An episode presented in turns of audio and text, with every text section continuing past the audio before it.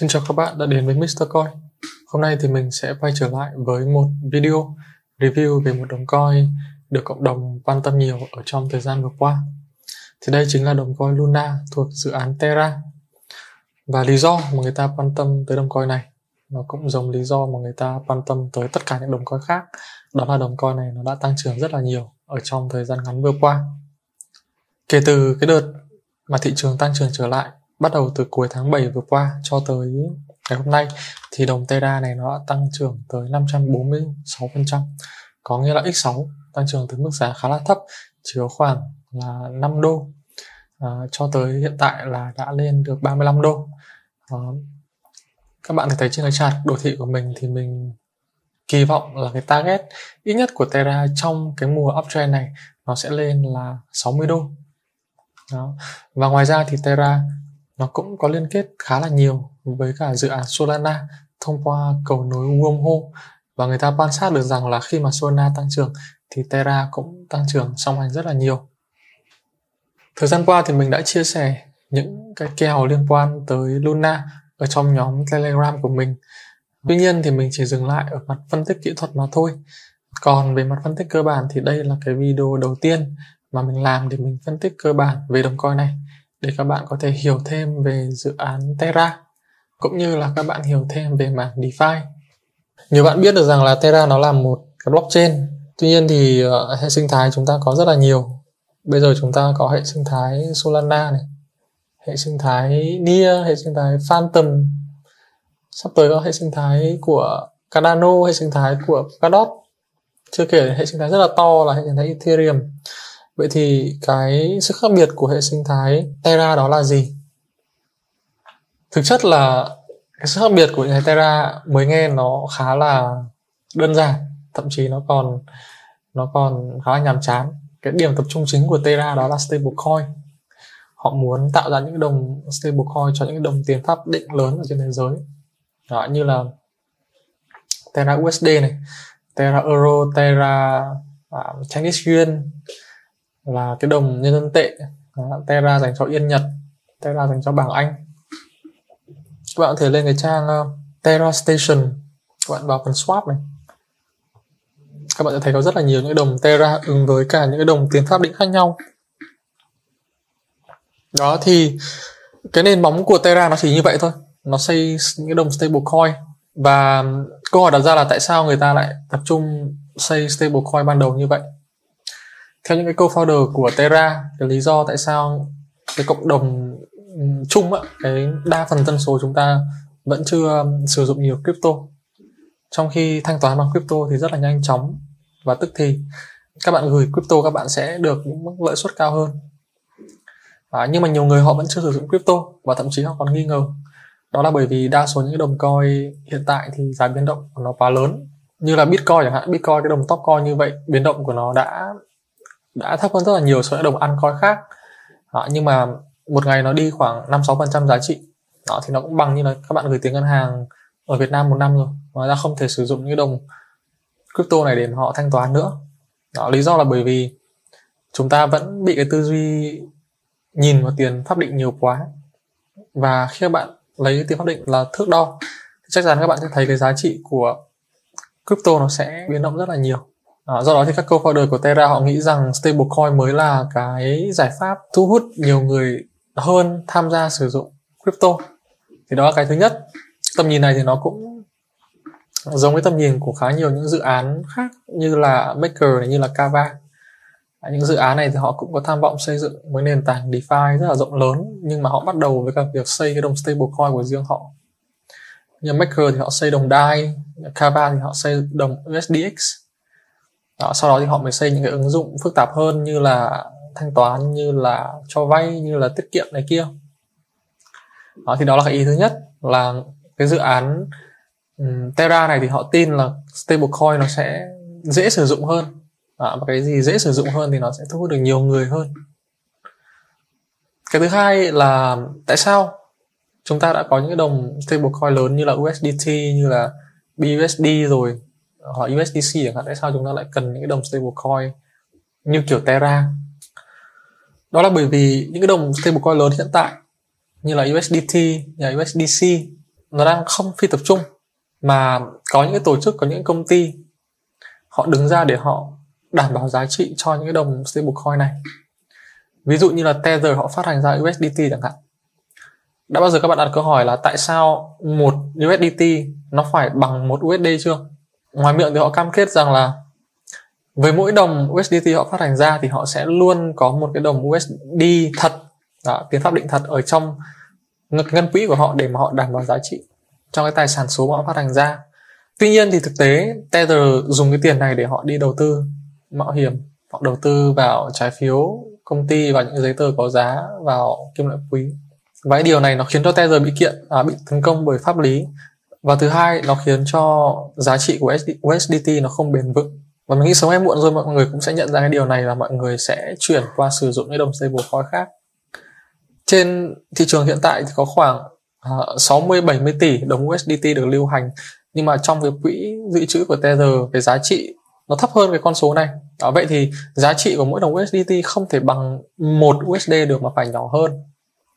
Đó, tuy nhiên thì vì một lý do niềm tin gì đó mọi người vẫn vẫn giao dịch một USDT bằng một USD hoặc là bằng 20 324 ngàn đồng Việt Nam. Tuy nhiên mình nghĩ điều này sớm muộn nó cũng sẽ chấm dứt. Tether là một ví dụ điển hình. Ngoài ra thì Circle, họ với cái đồng USDC thì họ cũng sử dụng đến khoảng 9% cái lượng tài sản của họ để họ đi đầu tư, mạo hiểm.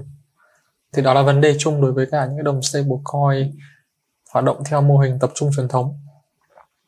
Vậy thì cái giải pháp là chúng ta cần phải có những cái đồng stablecoin phi tập trung, đúng không ạ? Chúng ta sẽ không phụ thuộc vào bất cứ cái tổ chức nào. Phải nắm ngân quỹ cái tiền pháp định để mà đảm bảo giá trị cho những đồng stablecoin họ phát hành ra cả. Và dự án Terra thì họ hoạt động theo cái cơ chế mới này. Ở đây thì mình sẽ cố gắng giải thích từng phần cho các bạn để các bạn có thể hiểu được. Đó. Đầu tiên chúng ta cần phải hiểu về khái niệm của các miner và cơ chế đồng thuận proof of stake một hệ thống blockchain là một hệ thống máy tính phi tập trung.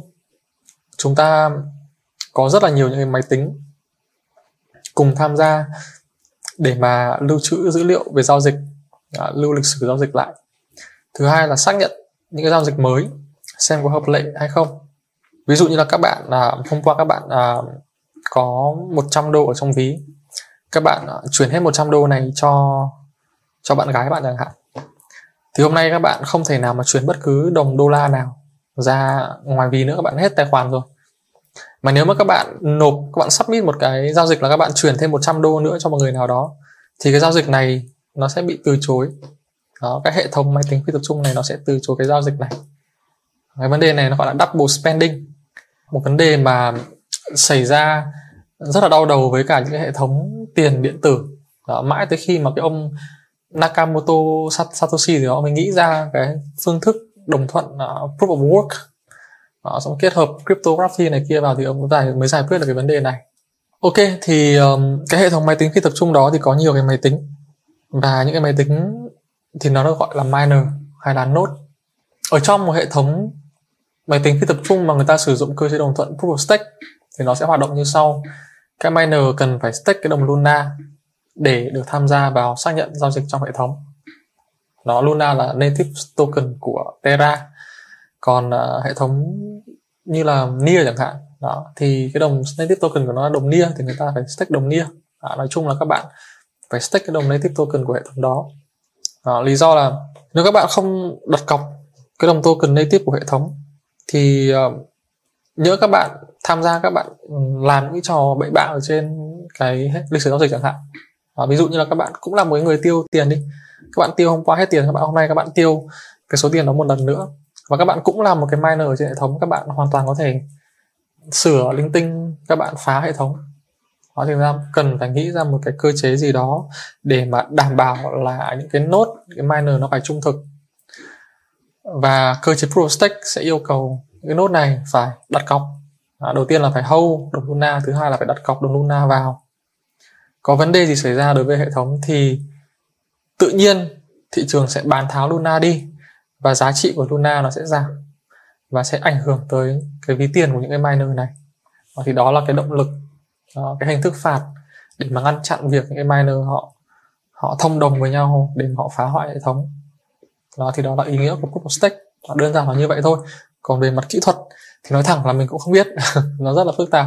Mình cũng đang cố gắng học dần và mình sẽ chia sẻ dần cho các bạn. À, tuy nhiên thì nó rất là phức tạp về những cái cryptography này kia rồi phương thức truyền tin nó cũng khá là khó mình cũng đang cố gắng học dần.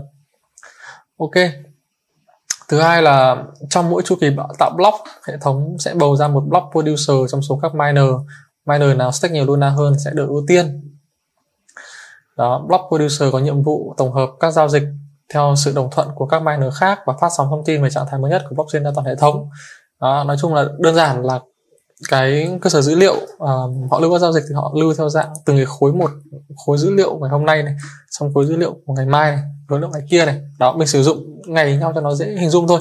Tất nhiên là trong một thời gian ngắn cũng có rất là nhiều block dữ liệu rồi. Đó. Đó, tuy nhiên mình sử dụng ví dụ đó cho nó dễ thôi. Với mỗi block dữ liệu thì nó sẽ được tạo ra bởi một trong số những cái máy tính những cái miner này. Đó, người ta sẽ bầu ra xem miner nào được quyền tạo block đó, và miner tạo block thì sẽ được thưởng bằng phí giao dịch. Và đây cũng là động lực tại sao người ta muốn tham gia vào để họ trở thành miner trở thành node trở thành validator của hệ thống blockchain. Và miner nào stake nhiều luna hơn sẽ được ưu tiên. À, thì đây cũng là một vấn đề để giúp đảm bảo cho cái động lực người ta làm nó nó nghiêm túc mà nó không phá hệ thống. À, thì đây là cơ chế của của proof stake. Các bạn hiểu miner là gì. À, thêm một cái ý nữa là công nghệ mà Terra sử dụng á thì nó là cái công nghệ của Cosmos. Thì Cosmos họ có một mô hình tổ chức là một tổ hợp blockchain. Ở trung tâm của tổ hợp này nó là cái blockchain Cosmos à, với đồng coin Atom. Và xung quanh xung quanh thì nó sẽ có những cái vệ tinh những cái blockchain vệ tinh. Đó, Luna nó blockchain vệ tinh này Thorchain nó blockchain vệ tinh này. Đó Kava cũng như vậy. Đó, thì mình đã review hai cái dự án Thorchain này và Kava rồi. Hôm nay thì mình review Terra. Và những dự án này thì họ sẽ sử dụng à, một cái công nghệ nền được uh, Cosmos cung cấp để họ xây dựng những blockchain vệ tinh của mình. Quay trở về vấn đề chính uh, vậy thì cơ chế nào giúp ổn định tỷ giá của Terra stablecoin. Uh, chúng ta đã biết được rằng uh, miner là gì rồi. Thì đến đây chính các miner này họ sẽ giúp ổn định tỷ giá của Terra stablecoins. Đầu tiên là chúng ta cần phải có một tỷ giá chuẩn.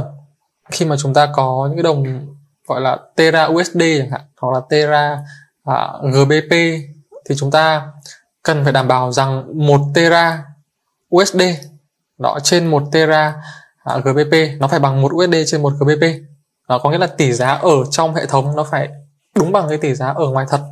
Thì làm sao để mà chúng ta có tỷ giá thật? Thì đơn giản là chúng ta kéo dữ liệu vào thôi. À, dữ liệu bên ngoài nó như nào chúng ta kéo về à, tuy nhiên thì chúng ta cũng cần phải kéo một cách nó chuẩn trình à, sẽ có những người mà họ có cái động lực xấu họ kéo dữ liệu linh tinh vào họ kéo sai chẳng hạn để mà họ hưởng lợi từ hệ thống. Thì cái việc kéo dữ liệu giá vào trong Luna nó cũng sẽ được vận hành theo mô hình phi tập trung. Miner nào mà kéo giá gần trung vị sẽ được thưởng còn miner nào kéo giá xa trung vị sẽ bị phạt. À, trung vị các bạn hiểu nó đơn giản là số trung bình còn cụ thể các bạn có thể lên Google các bạn tra trung vị là gì đúng không ạ? Đó. Mình biết là những khái niệm ở trong cái video mình nói thì nó rất là khó hiểu. Nhưng mà mình tin rằng nếu các bạn kiên trì các bạn xem video của mình các bạn xem nhiều các bạn sẽ tự hiểu ra. Đó tại vì những cái khái niệm thì mình cố gắng là mình nói đi nói lại ở trong mọi video. Và trong cái việc review coi thì ban đầu mình làm cũng rất là khó khăn đọc chẳng hiểu gì cả. Đó, nhưng mà làm nhiều tự nhiên nó vỡ ra.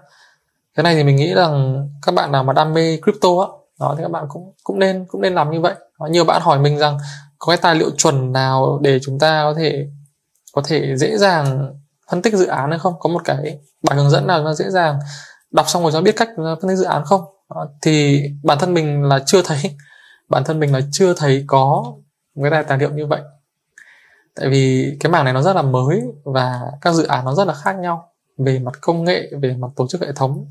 Bắt buộc là chúng ta cần phải chăm chỉ thôi. Chúng ta review hết đồng coin này đến hết đồng coin kia, hết dự án này đến hết dự án kia.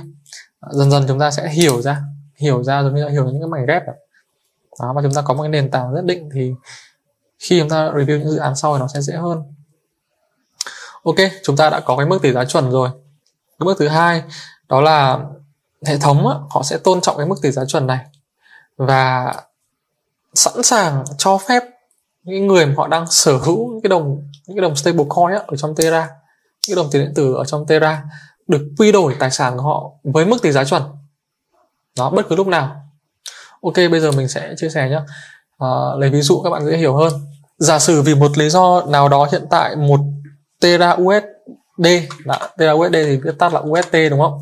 Có giá chỉ bằng 0,9 USD và các bạn đang nắm giữ khoảng à, 30 35 USD đó, thì cái lượng UST này nó chỉ có giá là bằng 35 nhân với cả 0,9 thì bằng 31,5 vậy là 35 UST nó chỉ bằng 31,5 USD mà thôi. Tuy nhiên hệ thống sẽ cho các bạn quy đổi một cách thoải mái luôn. Các bạn cầm 35 UST này các bạn sẽ đổi ra được một Luna đó. Và một Luna thì nó lại có có có giá trị là bằng bao nhiêu? Bằng 35 USD đó, đầu tiên là chúng ta chúng ta thấy được rằng là 35 US USD chẳng hạn thì nó chỉ có giá là bằng 31,5 USD thôi. Trong khi bây giờ các bạn có thể đổi 35 USD ra một Luna sau một Luna thì bằng 35 USD có nghĩa là các bạn đang từ có ít bỗng nhiên thành có nhiều mà các bạn chẳng mất gì cả. Thì đó là cái cái sự kỳ ảo sự kỳ ảo của hệ thống. Và hệ thống họ sẵn sàng họ làm như vậy để mà đảm bảo rằng cái đồng USD này, nó luôn luôn có giá bằng một USD các bạn sẽ thấy là khi mà giá của Terra USD nó thấp chẳng hạn, thì người ta sẽ có động lực là họ đi quy đổi như vậy. Tại vì lúc đó thì họ sẽ được lợi. Đó, một cái đồng Luna nó đổi ra thì nó sẽ bằng một cái lượng USD nhiều hơn là cái lượng Terra USD mà họ đang đang nắm giữ. Đó, thì tự nhiên là họ được lợi thôi. Nó sẽ giúp giảm cái chữ lượng Terra USD ở trên thị trường xuống. Đó, tại vì nhiều người họ sẽ đi đổi Terra USD ra Luna. Thì khi mà cái lượng cung Terra USD nó bị cắt đi, thì tự nhiên là giá Terra USD nó sẽ tăng lên và nó sẽ tiệm cận lại với cả cái mức một USD đó, thì đó là cái cơ chế hoạt động khi mà giá trị của Terra USD nó thấp hơn so với tiền pháp định bên ngoài. Ngược lại, nó cũng như vậy thôi. Khi mà các bạn thấy rằng là cái nguồn cung Terra USD nó đang thấp quá. À, ví dụ như một Terra USD nó bằng khoảng 1,05 USD chẳng hạn thì người dùng có quyền mang một lượng Luna mình đang sở hữu này có giá bằng một USD đi nhận một Terra USD nó giả sử các bạn đang sở hữu một Luna đi. Đó, các bạn à, cầm một Luna này các bạn đi đổi vào hệ thống thì hệ thống sẽ trả cho các bạn 35 Terra USD trong khi đó trên thị trường giao dịch của Terra USD á, 1 Terra USD nó đang bằng là 1.05 USD phải không ạ? Thì bây giờ các bạn đang có một Luna là các bạn đang có 35 USD. Đó 35 USD thì đúng ra các bạn chỉ được đổi là 35 chia cho 1.05 là các bạn chỉ đổi ra được có 33,3 Terra USD mà thôi. Đó, bạn nào mà không hiểu các bạn có thể quay chậm lại. Đó. Thì đúng ra các bạn chỉ có thể đổi một Luna ra 33,3 Tera USD mà thôi. Nhưng nó cho phép các bạn đổi ra được 35 Tera USD luôn. Đó, thì đây, đấy là cái sự vi diệu cái cơ chế mà à, giúp cho hệ thống nó ổn định giá. Và khi mà họ làm như vậy thì tự nhiên cái nguồn cung của Tera USD nó sẽ nhiều lên. Đó, tại vì họ có động lực mà họ sẽ đi quy đổi họ cầm Luna để họ quy đổi. Đó, bỗng nhiên là họ được lời ra nó sẽ khiến cho nguồn cung của Terra USD nó tăng lên và đẩy cái giá của Terra USD về gần hơn so với cả mức 1 USD. Mình biết đoạn này thì nó sẽ hơi khó hiểu một chút các bạn có thể tua lại các bạn xem chậm lại thì chúng ta có thể nắm được khái niệm của các bạn lên đây các bạn xem. Đó. Ok, vậy thì ai thiệt? Đó chính là những người miner này họ thiệt. Đó, tại vì trong trường hợp mà có nhiều người muốn đổi Terra ra Luna thì sẽ khiến cho trữ lượng Luna trên thị trường tăng cao và gây ảnh hưởng tới giá trị của Luna. Và đây chính là cái tài sản mà các miner họ phải stake, họ phải đặt cọc vào. Thì để mà giải quyết vấn đề này, hệ thống họ nghĩ ra một cơ chế, đó là cơ chế burn token. Họ sẽ đốt Luna đi nếu mà trữ lượng của Luna lớn hơn 1 tỷ token. Hiện tại các bạn thấy tổng nguồn cung của Luna nó chỉ khoảng 996 triệu token mà thôi dưới 1 tỷ. Thì đó là cái cơ chế để mà giữ ổn định tỷ giá của một ờ, đồng đồng stablecoin ở trong hệ thống và một cái đồng tiền pháp định bên ngoài. Đó. Cái phương pháp này nó rất là thông minh người ta không cần phải lưu trữ cái USD ở trong cái tài khoản của họ. Đó, thậm chí là họ không cần phải có USD luôn. Họ chỉ cần có Luna và chính Luna nó giúp cho cái giá của cái đồng stablecoin trong hệ thống nó ổn định. Ok ở đây có một điểm khá là thú vị nữa. Các bạn để các bạn sẽ thấy được rằng là khi mà cái giá của Terra USD này nó lớn hơn một USD chẳng hạn đó, thì đó là trường hợp mà người ta muốn nắm giữ Terra USD rất là nhiều. Đó, ví dụ như là hiện tại chúng ta có ứng dụng tên là Anchor ở trên hệ sinh thái Terra. Đó, ở đây thì mình sẽ mở ra luôn. Anchor ok. Đây nó đơn giản là một cái ngân hàng thôi. Các bạn có thể uh, nạp tiền vào đây các bạn gửi tiết kiệm và người ta sẽ cho các bạn một cái lãi suất là khoảng 19,5% và các bạn sẽ cần phải nạp Terra USD vào đây. Và khi mà cái nền tảng này ra đời bỗng nhiên cái nhu cầu người ta sở hữu người ta nắm giữ Terra USD nó rất là nhiều. Đó, tại vì được lãi suất cao bây giờ các bạn gửi ngân hàng nào có lãi suất 20% một năm. Thì chính cái việc này nó sẽ đẩy cái nhu cầu sở hữu Terra USD lên và có thể làm cho giá của Terra USD nó cao hơn giá của một USD và khi mà cái sự kiện này xảy ra thì nhiều người họ sẽ mang Luna của họ đi để họ nạp vào hệ thống. Và thế lượng Luna sẽ bị rút khỏi lưu thông và khiến cho giá của Luna nó tăng lên. Đó. Thì mình nghĩ cái việc ra đời của Anchor nó cũng là một cái tác nhân làm giảm nguồn cung Luna trên thị trường và đẩy giá của token lên. Hiện tại thì Anchor đang có total value lock là khoảng 4 tỷ ờ, UST đó, một con số khá là nhiều. Và các bạn thấy cái biểu đồ này, cái lượng tăng trưởng nó tăng lên rất là nhiều và lát nữa thì mình sẽ chia sẻ cái tính áp dụng rất là thực tế của Terra vào trong cái cuộc sống hàng ngày. Và đây có thể là lý do giải thích tại sao mà người ta lại nạp nhiều tiền vào trong hệ sinh thái Terra như vậy. Ngoài ra thì để tạo động lực làm việc cho các miner thì cũng phải có cơ chế do họ cho họ. Thứ nhất là họ sẽ được à, phí giao dịch như mình chia sẻ. À, tất cả các giao dịch trong hệ thống sẽ phải trả mức phí là 0,1% và thứ hai khi mà nhu cầu sở hữu Terra tăng lên à, nhiều người sẽ đổi Luna vào hệ thống để lấy Terra ra. Thì cái lượng Luna này sẽ được xử lý như thế nào? Lượng Luna này sẽ được à, một phần là sẽ được đốt đi một phần còn lại thì sẽ cho vào quỹ. Và quỹ này thì sẽ được sử dụng mục đích khác nhau. Tuy nhiên thì sắp tới chúng ta có một phiên bản update là Columbus 5 phiên bản này sẽ không cho bất cứ lượng Luna nào vào quỹ nữa mà sẽ đốt tất. À, có lẽ là bởi vì khi mà có nhiều bên tham gia đầu tư vào Luna thì mọi người sẽ đặt câu hỏi là ok cái quỹ này nó dùng như nào? À, những người đầu tư sớm thì được bao nhiêu phần trăm của quỹ những người đầu tư muộn được bao nhiêu phần trăm của quỹ? Đó. À, lát nữa mình chia sẻ các bạn sẽ thấy được rằng là có rất là nhiều những tổ chức càng về sau thì họ lại càng đầu tư vào trong Terra tại vì họ nhận ra tiềm năng của dự án này. Và đây là lý do tại sao mà chúng ta chờ đợi Columbus 5 cái update này nó sẽ khiến cho cái nguồn cung Luna nó giảm đi càng nhiều hơn nữa. Nó sẽ đẩy giá Luna lên cao hơn. Ok về hệ sinh thái um, các bạn có thể lên cái trang về hệ sinh thái của Terra các bạn tra. Chúng ta có một số ứng dụng uh, nổi bật như là Mirror Protocol. Đây là một ứng dụng về tài chính phái sinh. Các bạn có thể nạp tài sản thế chấp để các bạn tạo ra được những cái tài sản tổng hợp. Và ví dụ như là chứng khoán chẳng hạn. Đây mình sẽ bật cho các bạn xem luôn.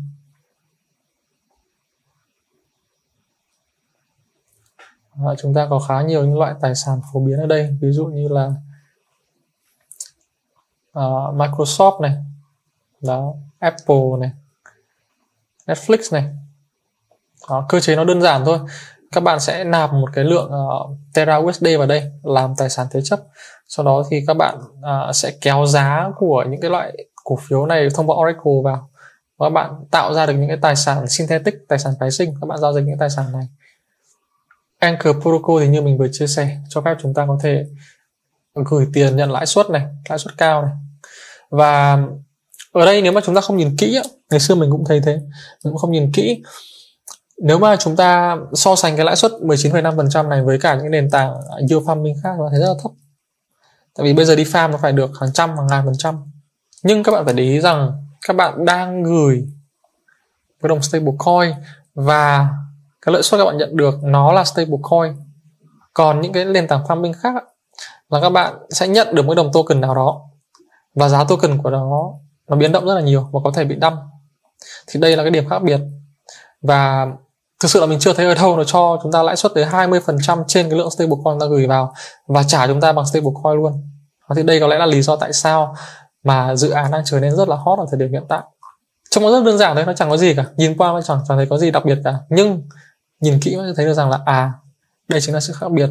Và con số nó cũng thể hiện cái lượng uh, deposit vào đây cái lượng người ta nạp tiền vào đây nó tăng lên rất là nhiều theo thời gian. Ngoài ra có một cái ứng dụng quan trọng nữa trong hệ sinh thái của Terra đó là chính là chai.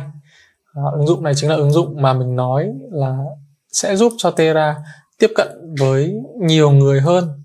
À, đây là một ứng dụng về thanh toán online. À, giống như là chúng ta có GrabPay chẳng hạn chúng ta có Ờ, uh, VNPay QR chẳng hạn. Đó. Thì cái ứng dụng chai này nó cũng như vậy cho phép chúng ta có thể thanh toán online. À, nhưng cái back end của nó cái nền tảng của nó chính là Terra. Đó, nên là những giao dịch nó sẽ được diễn ra một cách nhanh chóng hơn mà không cần phải thông qua bất cứ những cái tổ chức uh, trung gian nào cả. Và cái trải nghiệm người dùng ở đây cũng rất là tốt. Các bạn chỉ cần phải kết nối ứng dụng này vào tài khoản ngân hàng các bạn là được. Và nó khác với cả ứng dụng iBanking nhé iBanking là các bạn xài ngân hàng nào các bạn dùng ứng dụng của ngân hàng đó. Còn ở đây các bạn xài một ứng dụng các bạn có thể liên kết với nhiều ngân hàng. Đó thì đây là sự khác biệt. Ngoài ra cái người đang lãnh đạo cái công ty chai này thì người đó chính là một co-founder của Terra. Và người này còn có một công ty thương mại điện tử rất là lớn ở Hàn Quốc nữa. Ok, đến đây thì mình sẽ chia sẻ luôn về những nhà sáng lập. Đó, cái người này tên là Daniel Shin anh ấy là co-founder nhưng bây giờ đã nghỉ rồi khả năng cao để phát triển những cái công ty khác. Những công ty này nó vẫn liên kết với cả Terra.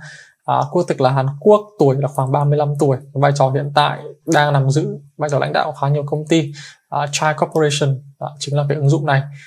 Hay là The Encore Company công ty này là giống như kiểu venture capital họ chuyên đi đầu tư và ươm mầm những cái startup ở Hàn Quốc và sử dụng mối quan hệ của mình để liên kết những startup này ra những nước ngoài. Đó, mở rộng thị trường ra và thứ ba là Timon. Đã, Timon là một sàn giao dịch thương mại điện tử trong top lớn nhất Hàn Quốc. Đã, Timon đang đứng thứ đứng thứ tư. À, mình đứng thứ năm trong bảng xếp hạng. À, những cái sàn thương mại điện tử lớn nhất ở Hàn Quốc theo số lượng người dùng.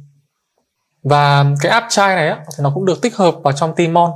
Nên là khi mà Timon có người sử dụng thì chai có người sử dụng trai có người sử dụng thì Terra có người sử dụng và thì đây là cái cơ chế để mà kéo người sử dụng cái ứng dụng của Terra à, kinh nghiệm trước đây thì anh ấy ờ, đã làm co-founder của Terraform Lab này anh sau đó thì đã rút khỏi công ty và một số vị trí khác trong những công ty danh tiếng như là McKinsey Company, ờ, uh, JP Morgan Chase. Anh học ngành kinh tế học Đại học Wharton ở Mỹ, rất là danh tiếng.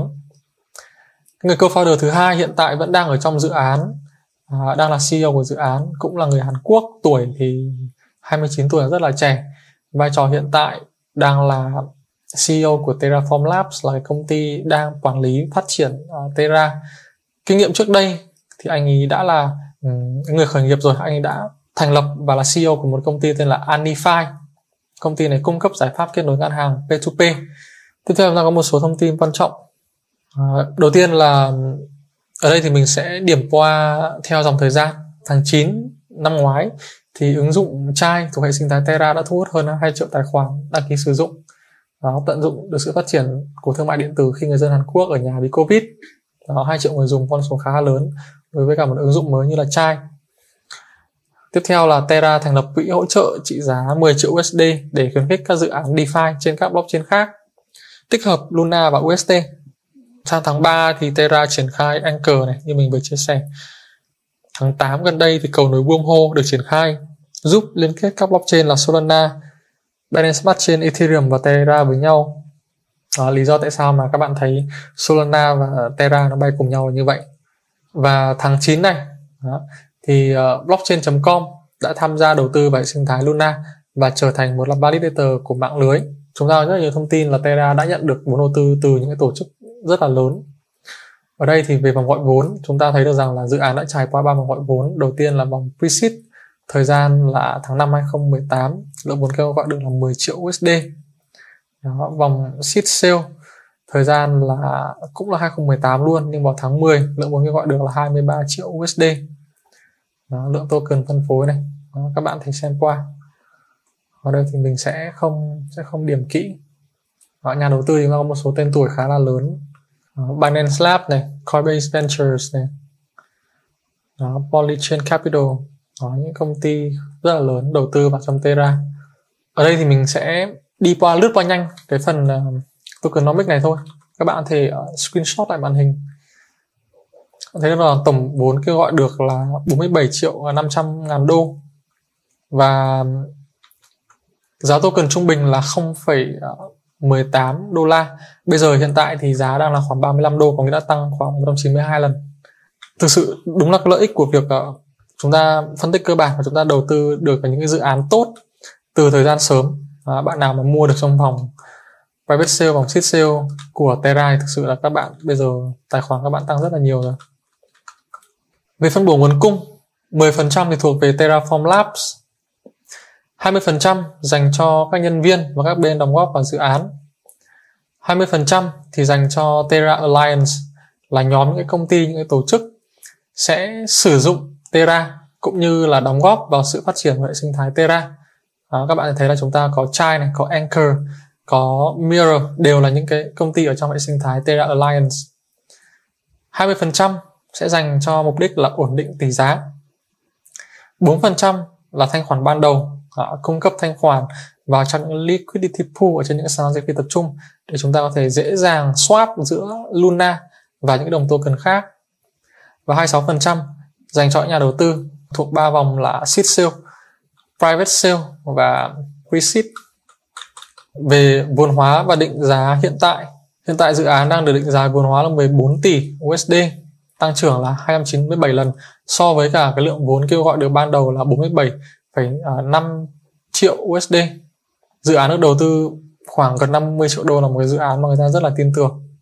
Đó mà bây giờ dự án còn phát triển còn kinh khủng hơn tăng gấp khoảng gần 300 lần về vốn hóa dự án đã không làm thất vọng những nhà đầu tư của mình đã mang tiền đi và xây dựng những cái rất là tốt và vai trò của token à, như mình đã chia sẻ à, miner sẽ cần phải stake Luna để có thể tham gia duy trì hệ thống và nhận phí giao dịch cho người dùng trả dưới dạng Luna à, Luna cũng được sử dụng để đảm bảo sự ổn định của tỷ giá stablecoin. Và nhìn chung thì khi nhu cầu sử dụng Terra càng nhiều thì giá trị của Luna sẽ phải tăng. Đó. Thứ nhất là người ta sẽ cần phải trả phí bằng Luna này. Thứ hai là người ta sử dụng nhiều à, uh, Terra stablecoin thì người ta sẽ sẽ làm đẩy giá Luna lên thông qua cái cơ chế ổn định giá như mình vừa chia sẻ. Ok ở đây thì mình sẽ soi qua chart của Luna à, mình chia sẻ đầu video là mình kỳ vọng ít nhất trong mùa này nó phải lên được 60 đô. Hiện tại thì giá của Bitcoin nó đang điều chỉnh. Và các bạn có thể canh mua ở canh mua Luna ở những cái ngưỡng giá support ở đây. Chúng ta có một số ngưỡng giá quan trọng. Thứ nhất là ngưỡng giá hiện tại luôn là 34,64 mua một ít. Thứ hai là 29,39 là hai ngưỡng giá mà mình nghĩ là quan trọng và có, có thể là là Luna sẽ đạt tới trong đợt điều chỉnh này. Đó. còn nếu mà nhỡ may thị trường giảm xuống sâu hơn thì chúng ta sẽ có thể mua coi mức giá rẻ hơn.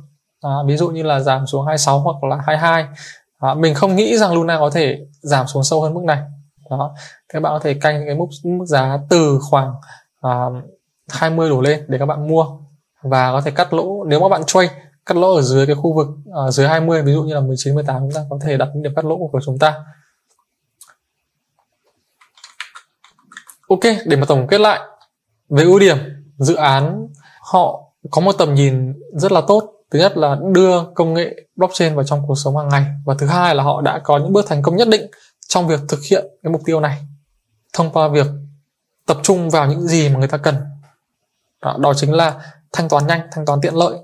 Và tích hợp cái chức năng này vào cái hệ sinh thái mà nhiều người dùng nhất. Đó chính là thương mại điện tử của Tmall. Và thứ hai là ứng dụng thanh toán là ứng dụng chai. Đó và thứ ba là cung cấp uh, những cái lợi suất là 20% một năm rất là hấp dẫn đối với cả những người sử dụng bình thường. Thì đây là những cái bước đi đơn giản nhưng mà nét nó rất là chuẩn. Và mình rất thích những dự án như vậy. Những dự án như vậy thì mới nhìn thấy nó rất là chán nó không có gì cả. À, nhưng mà thực sự nhìn vào sâu và cơ bản chúng ta mới thể thấy được cái chiến thuật rất là thông minh của Terra. À, và cuối cùng đó là cái thiết kế của dự án giúp cho giá trị của Luna token nó đi sát với nhu cầu sử dụng của hệ sinh thái. Càng nhiều người sử dụng Terra thì hệ sinh thái nó lại càng phát triển. Và cái điểm rất là hay, đó là Terra nó là cái back end nó là cái nền để mà ta xây dựng những ứng dụng thanh toán khác. Nhiều người họ sử dụng ứng dụng chai đây để mà họ thanh toán. Đôi khi là họ không biết rằng họ đang sử dụng Terra, nhưng mà thực chất là khi mà họ sử dụng ứng dụng chai này, họ đang đóng góp vào sự phát triển của hệ sinh thái Terra và họ đang nạp thêm tiền vào ví của những người đang hold Luna. Thì đó là cái rất là hay. Tuy nhiên thì dự án cũng có những nhược điểm nhất định của mình. Đó là thời điểm này thì dự án đã x năm kể từ tháng 7 rồi. Và như bạn thấy là cái gì mà nó tiềm năng mà, nhiều người nhìn thấy nó tiềm năng thì giá của nó đã rất là đắt. Và chúng ta không còn những cơ hội dễ dàng à, uh, 5x6 ở trên cái đồng Luna này. Ít nhất là trong cái phân tích kỹ thuật của mình. Đó và trong cái mùa này thì mình nghĩ là Luna cũng khó để mà tăng trưởng và mạnh hơn nữa. Ngoài ra chúng ta có một số những cái rủi ro sau. Đó thứ nhất là rủi ro về liên quan tới nền tảng ở Cosmos. Và thứ hai đó chính là rủi ro chung về tính chu kỳ của thị trường à, crypto. À, video thì khá là dài. À, tuy nhiên thì mong rằng những cái chia sẻ của mình nó sẽ giúp các bạn xây được những cái nền tảng về mặt kiến thức ở trong thị trường này để chúng ta có thể tự đọc hiểu cách dễ dàng hơn đối với những cái dự án blockchain khác để chúng ta muốn thử nghiên cứu. Ok, cảm ơn các bạn đã dành thời gian theo dõi video. Xin chào và hẹn gặp lại các bạn trong những video sau.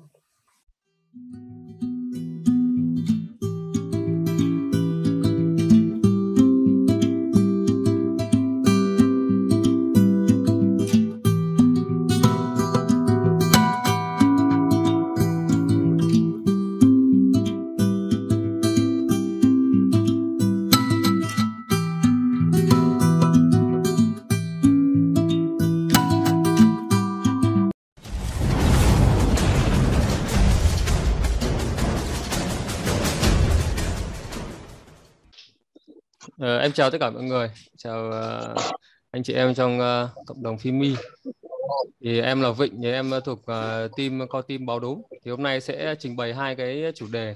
Thứ nhất là cái chủ đề về uh, giới thiệu tổng quan về cái dự án MinSwap và cái chủ đề mở rộng thứ hai là sẽ nói về cái uh, cái vấn đề mà MinSwap mà phải khi mà triển khai cái testnet trên uh, Ờ, uh, Cardano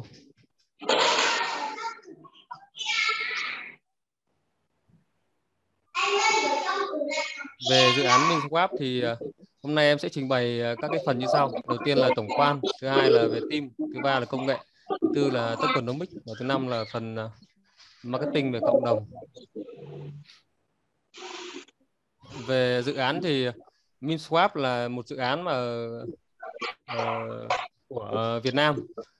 Uh, các thành phần chính trong uh, đội co team của MinSwap thì đa số là các bạn rất là trẻ là, là người Việt Nam hết.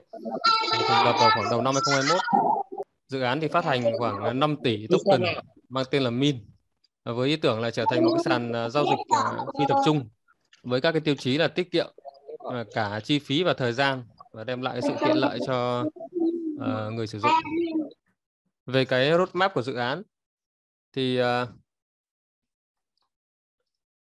dự án là quý 2 2021 thì uh, dự án là gọi vốn qua uh, cái catalyst của uh, uh, Cardano và triển khai cái uh, cái cái um, uh, gọi là constant product pool nghĩa là cái uh, AM AMM dạng uh, pool đẳng tích đến quý 3 2021 có nghĩa là cái quý vừa rồi thì uh, MinSwap đã có cái uh, triển khai testnet trên cái mainnet Anozo của Cardano và uh, và cũng đang đang tiến hành cái uh, airdrop mang tên là Fizo.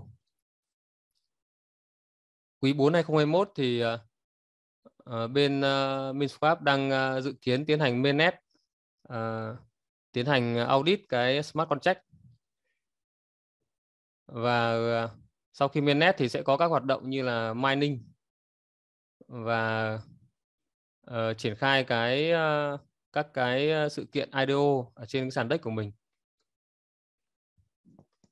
Tiếp theo là quý 1 2022 thì uh, sẽ triển khai thêm cái uh, stable pool và cái uh, farming. Quý 2 2022 thì sẽ triển khai cái uh, uh, hệ thống uh, gọi là tự trị.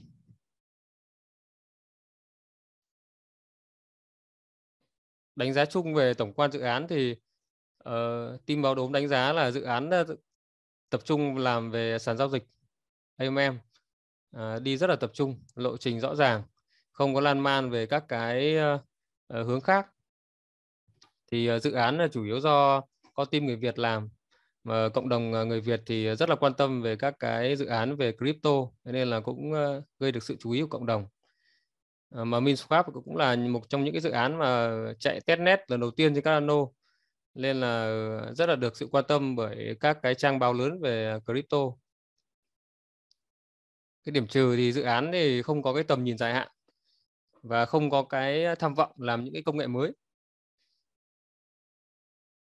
Team đánh giá chung thì được 8 trên 10 điểm.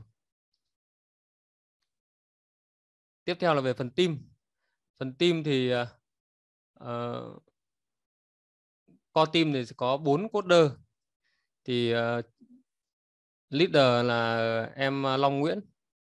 Long Nguyễn này thì em ấy có cái background rất là tốt. Thì uh, trước đây em đã đạt giải nhất Olympic tin học Việt Nam năm 2016 và đang uh, học tập và làm việc tại nước ngoài thì cái ờ, cái link ờ, GitHub của Long thì ờ, các hoạt động của Long ở trên GitHub rất là rất là là là, là tích cực. Em ấy thì đã có 1.500 cái đóng góp và cho các cái mã code ở trên GitHub. Tiếp theo thì về tiếp theo làm việc full time thì có Richard. Richard Nguyễn này thì cũng tốt nghiệp đại học FPT à, tuy nhiên là cái ờ, cái cái link uh, GitHub của em ấy ở trên uh, cái link của em ấy ở trên GitHub thì uh, hoạt động rất là ít. Bạn Hiếu này thì cũng uh, tốt nghiệp FPT và đang nằm trong core team nhưng hiện tại thì bạn Hiếu làm part time. Và cái uh, hồ sơ của bạn Hiếu ở trên GitHub thì cũng uh, hoạt động rất là ít. Bạn Khánh này thì uh, cũng là part time uh, và bạn Khánh này thì hiện nay thì đang làm ờ, full time cho công ty OneTech cái hồ sơ của bạn Khánh ở trên uh, GitHub thì uh, hoạt động thì không nhiều nhưng mà các cái đóng góp của bạn ấy thì được cộng cộng đồng trên GitHub phải đánh giá rất, là cao. Ngoài ra trong team của MinSwap thì có thêm một số thành viên khác về một số các cái mảng như marketer design. Uh, là là một số anh em là là người nước ngoài. Thì mình có theo dõi cái ờ, cái mã nguồn của MinSwap thì ờ, được cái là team ờ, update rất là public ở trên GitHub. Thì đây mọi người có thể nhìn thấy là uh, hỗ trợ gọi là đóng góp cho cái mã nguồn này thì có bốn anh em ở trong core team đây. Nhưng mà mình để ý thì uh, chủ yếu là là uh, đóng góp và và cập nhật mã nguồn thì chỉ có Long Long làm là chính. Về đánh giá chung với team thì team thì uh, công khai danh tính.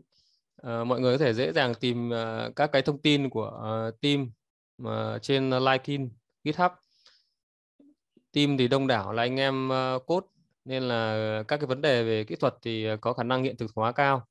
Tuy nhiên thì team đa số là anh em đều là khá trẻ nên là ờ, cái kinh nghiệm cả về trong lĩnh vực blockchain thì ờ, cũng ờ, được đánh giá là rất là ít kinh nghiệm.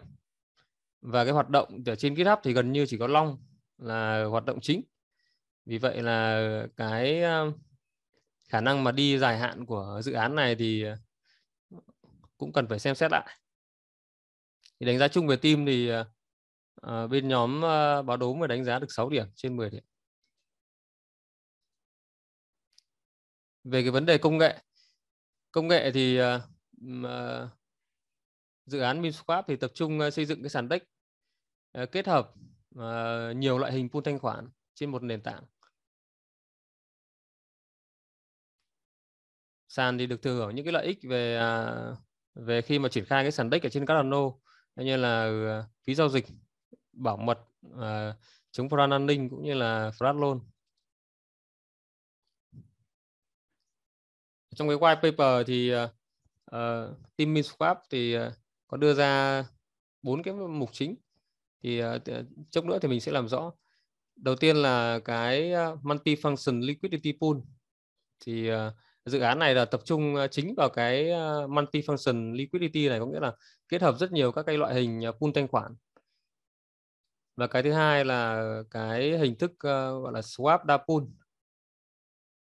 Cái thứ ba là Ờ, đội ngũ đưa ra cái ờ, vấn đề ờ, giải pháp Oracle mà sử dụng cho cái sàn deck này.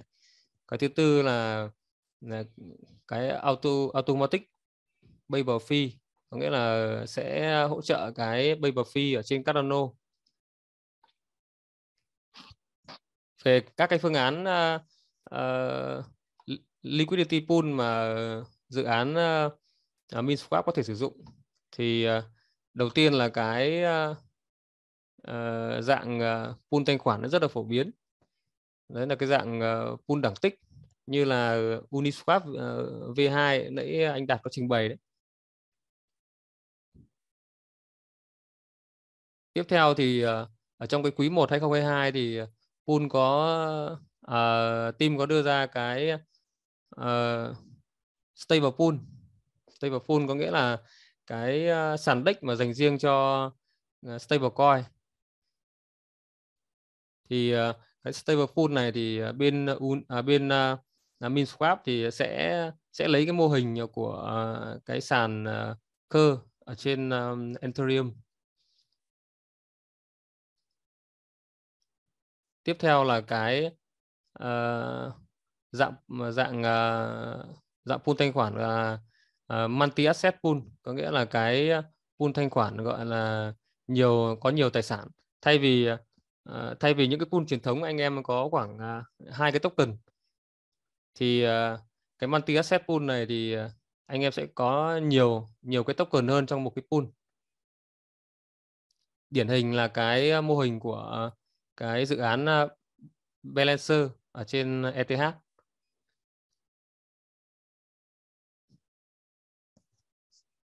tiếp theo là ừ, à, uh, MinSwap ờ, có thể dùng cái uh, dạng dạng dynamic pool uh, hiện đang được uh, áp dụng và sử dụng ở trên uh, sàn Kyber Network.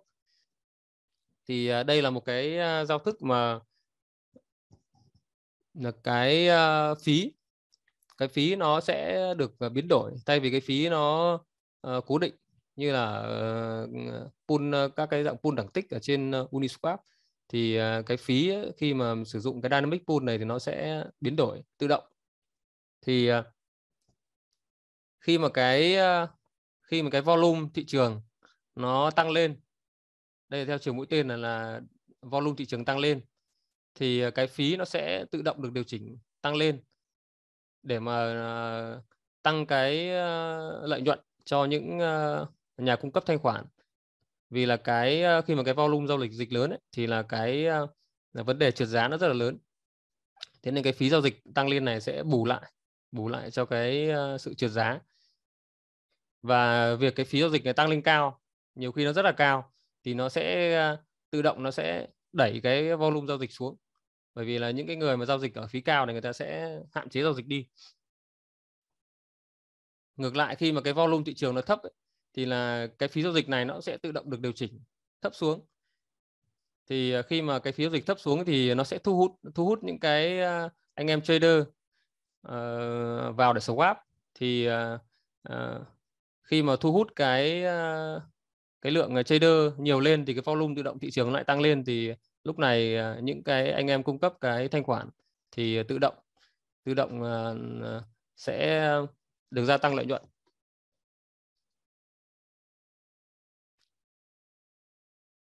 Tiếp theo thì ờ, Long Long có đưa ra một cái ờ, hình thức gọi là multiple routing.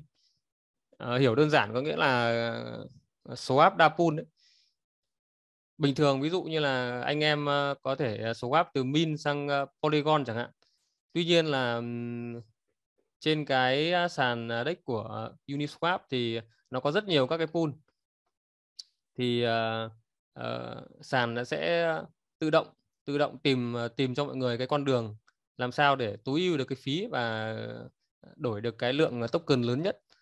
Mình ví dụ như là khi mà mọi người đổi từ min sang poly thì ờ, sàn sẽ tự động gợi ý cho mọi người cái con đường mà nó hiệu quả nhất đó là từ min nó swap sang ADA từ ADA nó swap sang Polygon.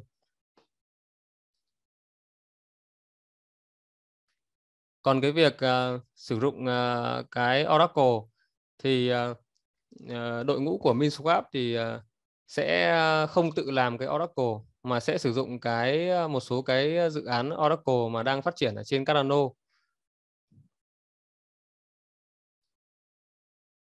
Ví dụ như là, ví dụ như là Chainlink, hoặc là một số các cái dự án làm về Oracle khác. Vừa rồi có Chainlink hợp tác với Cardano, hoặc là một số các dự án mà Oracle đang phát triển ở trên nền tảng Cardano như là Charlie 3 chẳng hạn.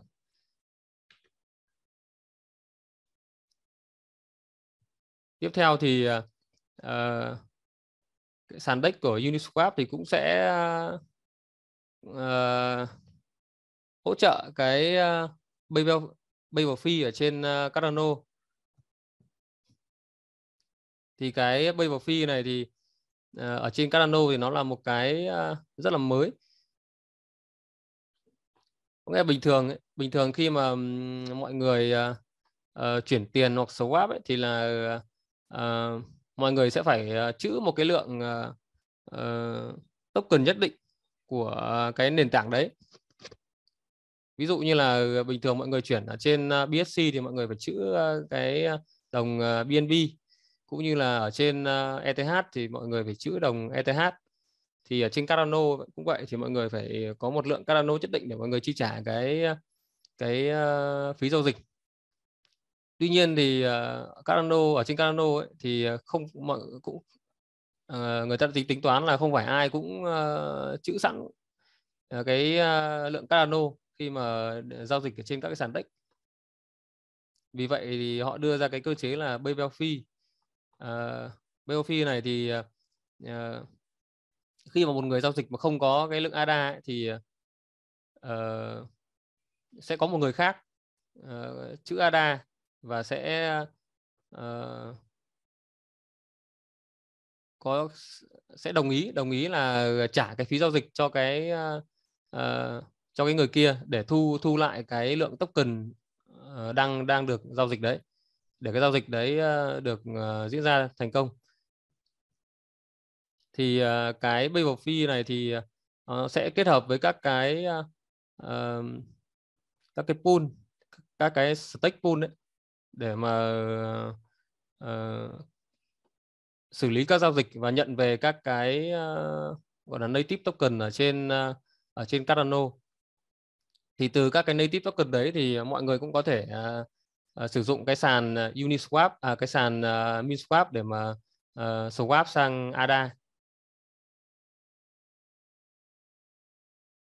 về công nghệ thì ờ, điểm cộng dự án thì ờ, tập trung làm về AMM không có đi lan man ờ, và dự án sử dụng các cái loại hình pool thanh khoản đã rất là thành công ở trên các cái nền tảng khác như là Uniswap, Cơ, Balancer Kyber Network.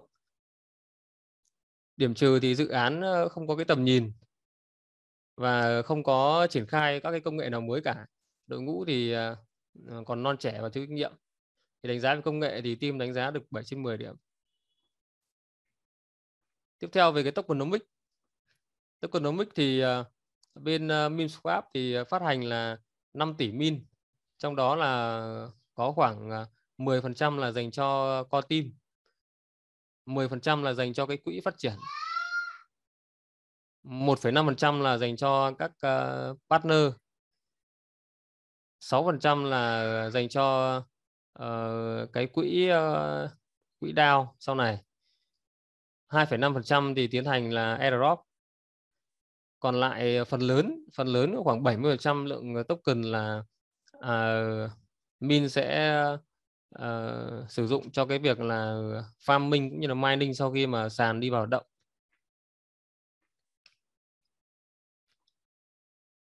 Thì uh, min hiện nay thì đang uh, triển khai cái ờ, uh, airdrop là uh, Fizo.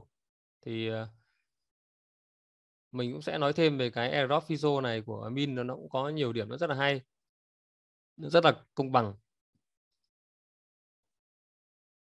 Đây là cái uh, số liệu thì mình cập nhật cũng uh, cũng cách đây cũng phải vài tuần rồi. Thì uh, MinSwap đã thu hút được ờ, vào các cái pool thanh khoản mà hợp tác à, vào các cái ờ, stake pool mà hợp tác với lại ờ, Min. À, được là hơn 100 à, hơn 120 triệu ADA ủy thác vào các cái pool mà hợp tác với lại MinSwap. Đến nay thì mình vừa mới cập nhật vào lúc nãy thì đã đã hiện nay đã lên là hơn 170 triệu rồi. Thể hiện là cái độ độ hot của dự án này. Thì khi mà mọi người uh, mọi người chuyển ờ, cái ADA của mình ờ, vào vào stake ấy, vào trong các cái pool mà đã hợp tác với lại uh, MinSwap. Nó có cái danh sách ở trong cái phần uh, uh, Fizo của dự án này. Thì sau khi mọi người ủy thác cái ADA của mình vào đấy ấy, thì mọi người vẫn sẽ nhận được cái uh, ADA staking bình thường. Tuy nhiên là trong cái quá trình mình nhận cái ADA staking ấy, thì mọi người sẽ nhận thêm được cái token min uh, hoàn toàn miễn phí. Thì cái token min mà mọi người nhận được ấy thì sẽ được chia chia thành hai phần là à, à, uh, 20% là sẽ nhận được là bằng uh, token bằng token min và 80% còn lại là sẽ nhận được cái token uh, min min t thì cái token Minte thì sau này thì mọi người sẽ sẽ khóa vào cái ờ, cái pool thanh khoản cùng với lại một cái token khác để mà ờ, để mà farm ra cái đồng min thì cái tác dụng của cái Minte là tại sao là là MinSwap họ không ờ, họ không phát 100% cái token min bởi vì là uh, sau này thì họ sẽ khuyến khích mình uh, mình mình gọi là mình cung cấp cái thanh khoản cho sàn bằng cách là mình farm cái đồng Minte sang min ấy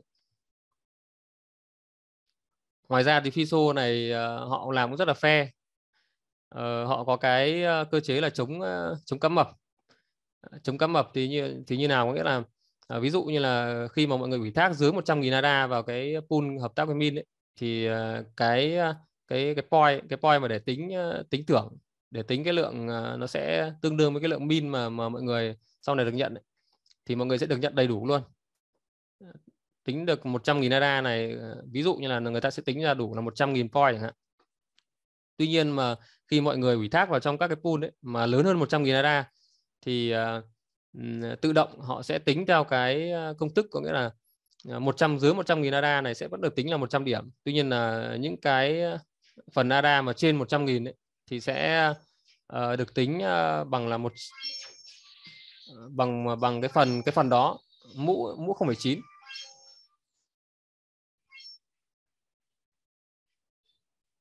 mũ 0,9 thì ờ, có nghĩa là mọi người càng ủy thác nhiều vào thì cái phần ờ, cái phần điểm ờ, cái phần tích điểm của mọi người ấy, thì nó sẽ không tương đương không tương đương với lại cái số ADA mà mọi người ủy thác. Ngoài ra khi mọi người stake vào các cái pool nhỏ ấy, thì mọi người sẽ được tặng thêm là 25% cái lượng token win airdrop thì cái việc này nó sẽ giúp cho là Ờ, các cái pool uh, pool mới hợp tác với lại min thì lúc nào cũng sẽ có người ủy thác vào các cái pool đó. Thì sẽ hạn chế là cái việc là pool không đóng được block thì dẫn đến là anh em là bị mất cái uh, ADA stacking. Đó. Thì cơ chế này nó rất là fair và rất là hay.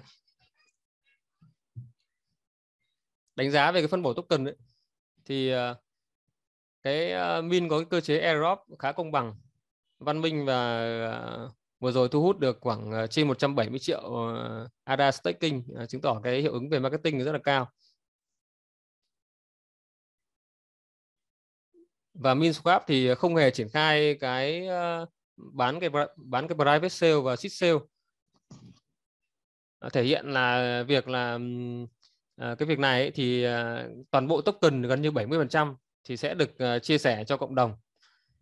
Vì vậy là cái việc ờ, phân bổ token này nó cũng rất là công bằng so với các cái dự án khác.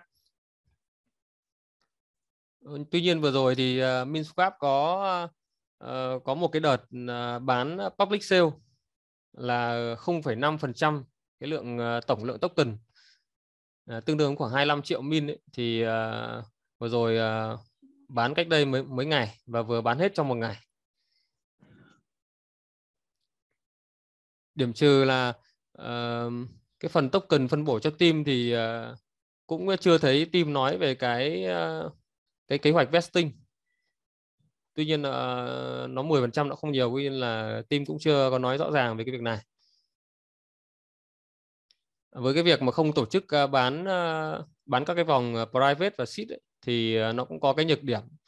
Uh, mặc dù là sẽ chia sẻ rất là phân công bằng cho cộng đồng tuy nhiên là nó cũng có cái nhược điểm là cái thời gian ban đầu thì uh, Ờ, cái quỹ để mà team hoạt động và triển khai dự án nó sẽ rất là hạn chế. Ngay cả vừa rồi cái việc bán public sale cũng là là do do team là là phát sinh ra chứ còn nó cũng không nằm trong cái cái roadmap và cái việc tokenomics của à, đưa ra ban đầu của team. Bởi vì là team đang thiếu cái chi phí để mà tiến hành audit cái smart contract. Nên là cái chi phí này dự tính đâu đấy nó khoảng ờ, 120.000 đô cộng thêm với lại một số các cái uh, về phát triển dự án nữa thì nên là vừa rồi team là đã quyết định là trích ra khoảng 0,5% cái lượng token để mà bán public. Thì nghe nói vừa rồi là thu thu được khoảng đâu đấy là khoảng hơn triệu đô. Đánh giá chung về cái cái phần phân bổ token thì à, team đánh giá là được 7 trên 10 điểm. Về cái chương trình marketing thì à, à, uh, Minswap thì uh, tham gia cái chương trình uh, testnet ở trên Cardano. Gần như là cái dự án đầu tiên và không biết là có phải duy nhất hay không. Thế nhưng mà nó vì vậy nó đã thu hút được cái sự quan tâm lớn của cộng đồng uh, crypto đặc biệt là những anh em đang hold ADA à, tuy nhiên là cái việc testnet này nó lại không thành công cho lắm. Thế nên là uh, nó cũng gọi là là uh, lấy cái cây của uh, Minswap cũng được nói đến rất là nhiều ở trên các cái diễn đàn cũng như là các cái báo về ờ, crypto. Về cái hoạt động Fizo này thì cũng có thể coi là một cái hoạt động marketing của dự án. Thay vì ờ, một số dự án khác ờ, người ta có thể airdrop cho anh em là nắm nắm giữ ADA thì có thể là phát luôn. Thế nhưng mà ở đây là người ta phải hợp tác với các cái pool của min và lại uh, um, vì vậy nên là nó cũng thu hút được cái ờ, sự chú ý của anh em. Ngoài ra thì Minswap cũng ờ, cũng là một dự án mà đã giành được cái ờ, tài trợ nó 35.000 đô trong cái Catalyst của Cardano uh, nó nằm trong Catalyst phân 4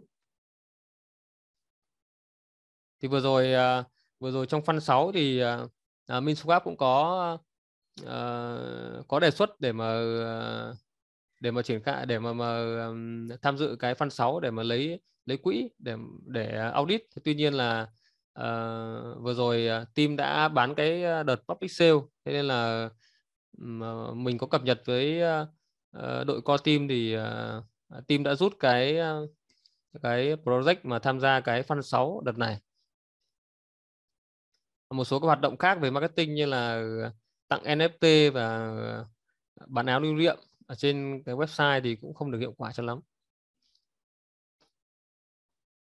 Về các kênh truyền thông thì hiện nay trên Twitter là có hai, hơn 23.000 theo dõi. Cái này thì mình cũng cập nhật cũng ờ, cách đây khoảng đôi tuần rồi nhá. Bây giờ chắc là nó đã nhiều hơn rồi. Thì Twitter thì ngày xưa là 23.400 lượt theo dõi mức mức độ tương tác là 3% với Twitter là 3% thì đánh giá là tương tương tác là khá. Kênh Telegram thì ờ, có khoảng ờ, hơn 700 follow. Cái lượng tương tác ờ, trong các cái bài viết trên Telegram thì khá là cao. Khoảng 90 đến 150 phần trăm cái cái lượt tương tác. Thì chứng tỏ là các cái bài xe về các cái các cái bài xe các cái bài uh, trên Telegram được share rất là nhiều. Kênh kênh Discord thì uh, có 8 hơn 800 member. Reddit thì hơn 900 YouTube thì uh, hơn hơn hơn hơn 400 subscribe Medium hơn 700 thì thực ra là cái cái lượng theo dõi này thì nó không phải là nhiều. Tuy nhiên là với một cái dự án mà mới mới như thế này thì đánh giá để cái lượng ờ, người theo dõi và subscribe này là cũng khá là tốt. Đánh giá chung thì uh,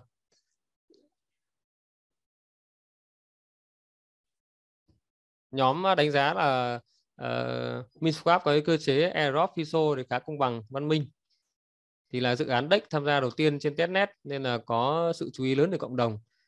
Các kênh về phát triển cộng đồng thì khá ít nhưng mà khá chất lượng thì không có chạy ờ, follow ảo điểm trừ là kênh cũng à điểm trừ là team thì cũng ít tập trung nhiều các hoạt động marketing.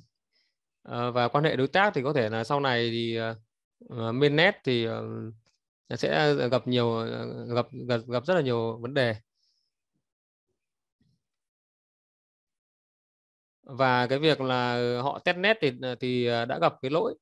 Cái lỗi này thì gọi là mọi người ờ, hay nói là cái lỗi rất là sơ đẳng ấy. thì ờ, nếu mà cái lỗi này mà trên mainnet mà họ triển khai mà không thành công ấy, mà lại gặp lỗi tiếp thì gần như là nó cũng là con dao hai lưỡi. Gần như chắc là dự án là sẽ đi xuống luôn và sẽ không ai quan tâm đến dự án nữa. Thì đánh giá chung đánh giá chung thì ờ, team đánh giá là dự án được 6,5 trên 10 điểm về cái hoạt động marketing và cộng đồng. Về phân tích SWOT thì cái điểm mạnh thì Ờ, uh, MinSwap là cái sàn AMM đưa ra cái testnet đầu tiên và sẽ thừa hưởng được rất nhiều những cái thế mạnh ở trên uh, Cardano. Đội ngũ uh, về core team thì uh, toàn là anh em về làm về uh, coder kỹ thuật nên là khả năng uh, hiện thực hóa dự án này rất là cao. Về cộng đồng ít nhưng mà chất lượng. Và mình cũng đánh giá là anh em ở trong uh, nhóm Telegram cũng như là Discord thì khá là tin tưởng vào dự án cái việc này cũng được thể hiện ngay ờ, bởi cái đợt ờ, bán public sale vừa rồi. Điểm yếu thì ờ, điểm yếu cái này thì mình làm làm cách đây mấy tuần. Nhưng mà mình có nói là không có nhiều ngân sách dành cho marketing. Tuy nhiên là vừa rồi thì cái public sale ấy, thu được khoảng hơn một triệu đô thì chắc là khả năng là bên co team và long thì sẽ có rất là nhiều ngân sách quỹ dành cho cái việc này tuy nhiên là mọi người sẽ phải follow thêm để xem các các cái ờ, triển khai của uh, core team như nào. Và cái ờ, điểm yếu thì bên Miswap cũng thiếu các cái chương trình mà uh, gọi là game tài chính ấy, để mà thu hút các cái uh, anh em uh, user cũng như là các cái uh, đối tác để mà triển khai cái uh, IDO và IFO ở trên uh, sàn khi mà sàn đi sàn đi vào hoạt động về cơ hội thì ờ, ở trên Cardano thì thị trường cũng rất là mới gần như là cũng ờ, chưa có cái đối thủ ờ, cạnh tranh rõ rệt MinSwap thì có thể trở thành sàn AMM đầu tiên trên Cardano. Vì vậy là cái lượng người dùng mà tham gia thử hoặc là trải nghiệm rất là lớn. Về thách thức thì uh, team thì uh, khá trẻ thì uh, sẽ gặp những cái vấn vấn đề sau này thì uh, bị cạnh tranh bởi một số các cái dự án khác mà có cái đội ngũ rất là mạnh và nhiều kinh nghiệm. Và uh, họ cũng có cái lượng uh, tài chính dồi dào. Khi mà họ uh, triển khai các cái đợt bán private và đợt bán seed rất là rất là lớn. Và hiện và hiện dự án thì không triển khai công nghệ gì nổi bật. Thế nên là cũng khó và khả năng đi được xa. Về đánh giá tổng quát thì ờ, chia trung bình thì dự án ờ, team đánh giá là được ờ, 6.9 trên 10 điểm.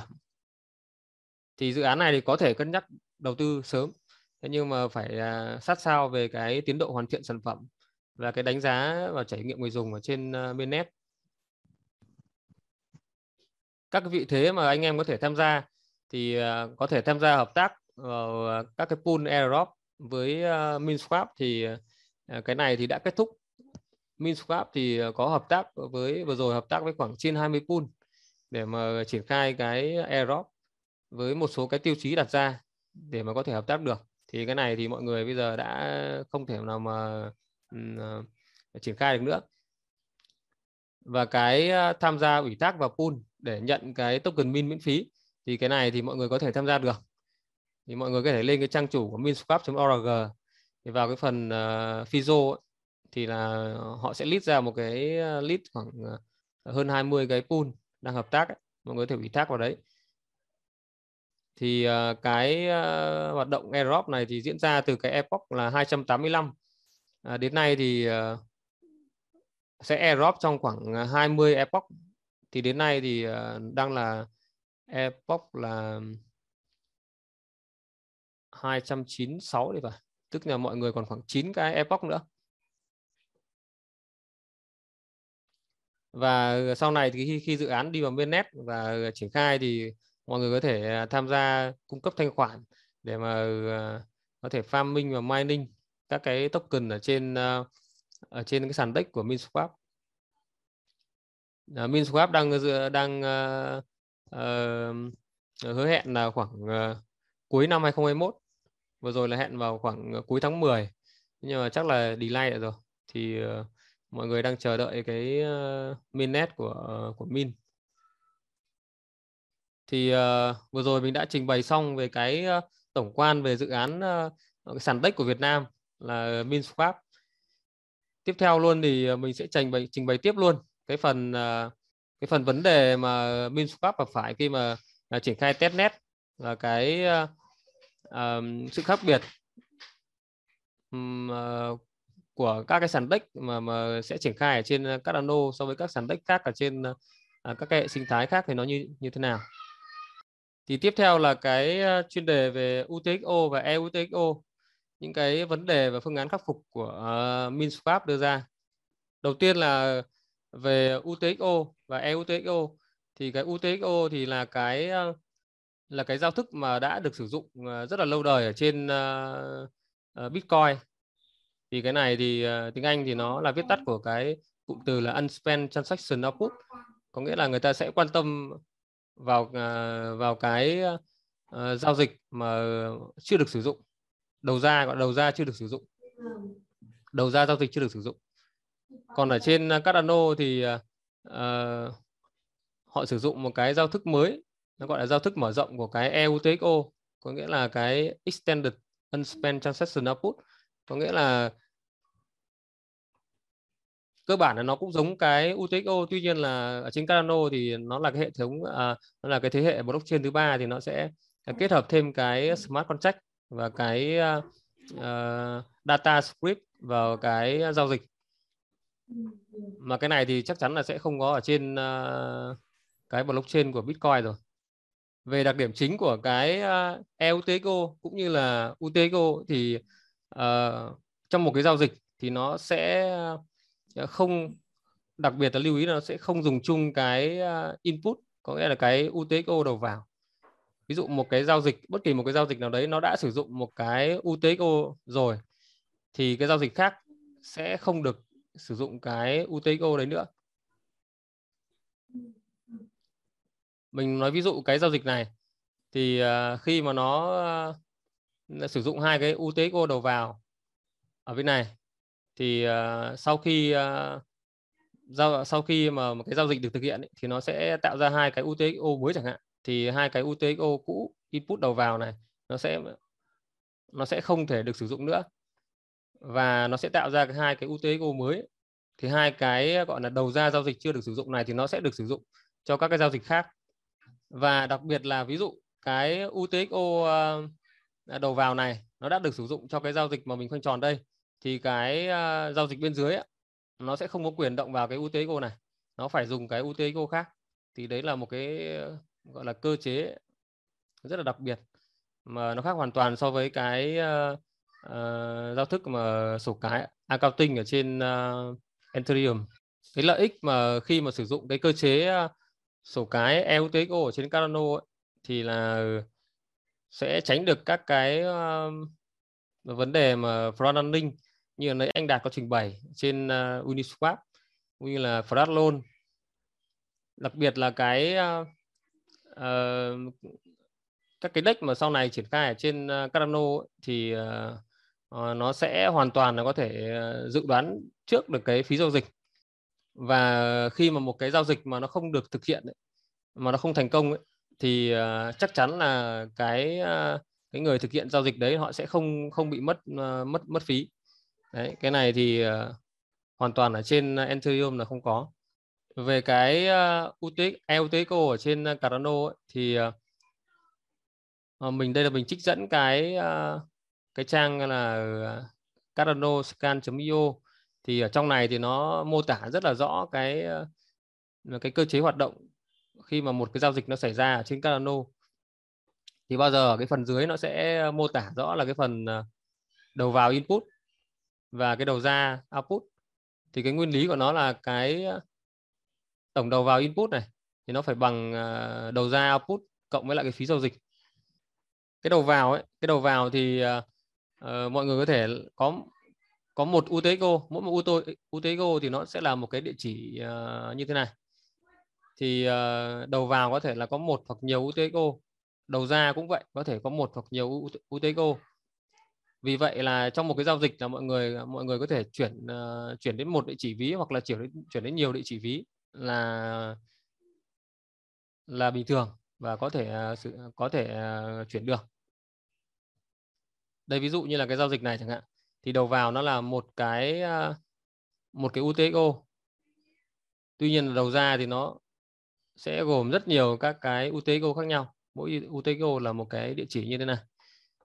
Đấy thì mình ví dụ như là ờ, mọi người có thể thực hiện một cái transaction giao dịch là uh, chuyển tiền đến khoảng độ ờ, uh, 10 cái địa chỉ ví chẳng hạn thì cái này là có thể thực hiện được ở trên Cardano chứ không phải là mỗi một cái lần mình giao dịch mình chỉ có thể chuyển đến một địa chỉ ví.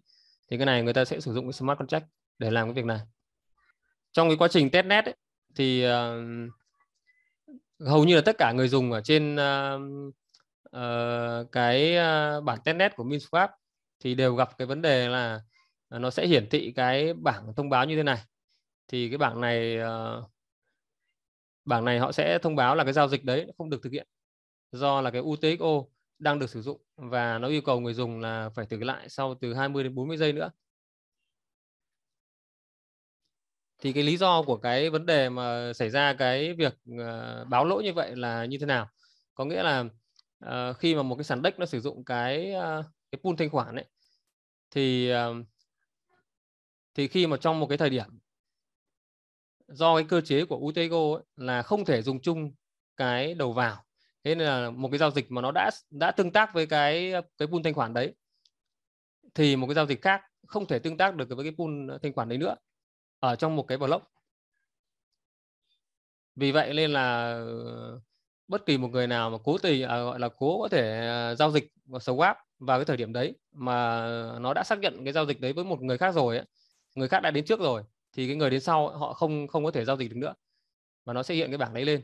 Và mình uh, mình gọi là uh, ví dụ ví dụ bằng cái hình này mọi người dễ hiểu có nghĩa là uh, khi mà hai ông hai ông mà cùng uh, cùng swap thì uh, cái pool thanh khoản ấy nó ví dụ như là mình à, cùng swap trong một cái pool thì cái pool đấy nó chỉ có chấp nhận cái giao dịch với một một ông thôi. Đấy ông khác ông khác đến sau thì ông ấy phải không thể chấp nhận là không thể được chấp nhận cái giao dịch đấy. Và cái giao dịch đấy nó không thành công. Cụ thể hơn thì mọi người có thể hình dung như này. Có nghĩa là đây là có ba ba cái block mỗi block là trên Cardano là 20 giây chẳng hạn. Đấy. Thì đây là cái ờ, cái pool thanh khoản này.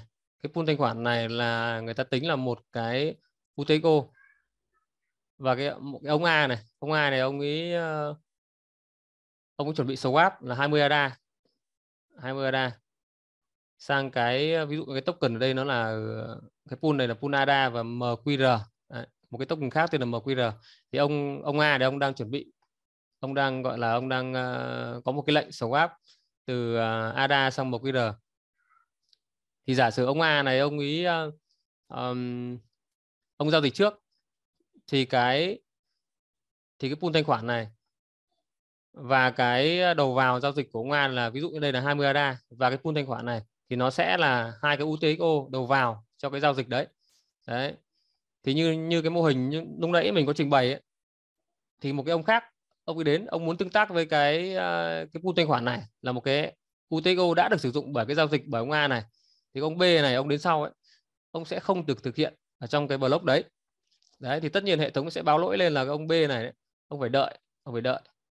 Ông phải đợi sau khi cái giao dịch nó thành công và nó được ghi lên hệ thống nó được ghi lên blockchain. Thì nó sẽ tạo ra hai cái e, à, hai cái UTXO à, EUTXO đầu ra mới để mà ông ờ, B này ông bắt đầu ông có thể sử dụng. Ví dụ như là sau khi cái giao dịch giao dịch swap này của ông A xong ấy thì ông sẽ nhận được cái UTXO đầu ra là cái token MQR và tiếp theo là cái pool thanh khoản này nó sẽ thay đổi. Đấy, ví dụ là cái pool đẳng tích chẳng hạn thì cái cái tỷ giá trong này nó sẽ thay đổi đi. Sau đấy là ông B này ông bắt đầu mới ông có thể tương tác. Ông có thể tương tác với cái ờ, cái pool thanh khoản này để mà tiếp tục cái giao dịch tiếp theo swap tiếp theo.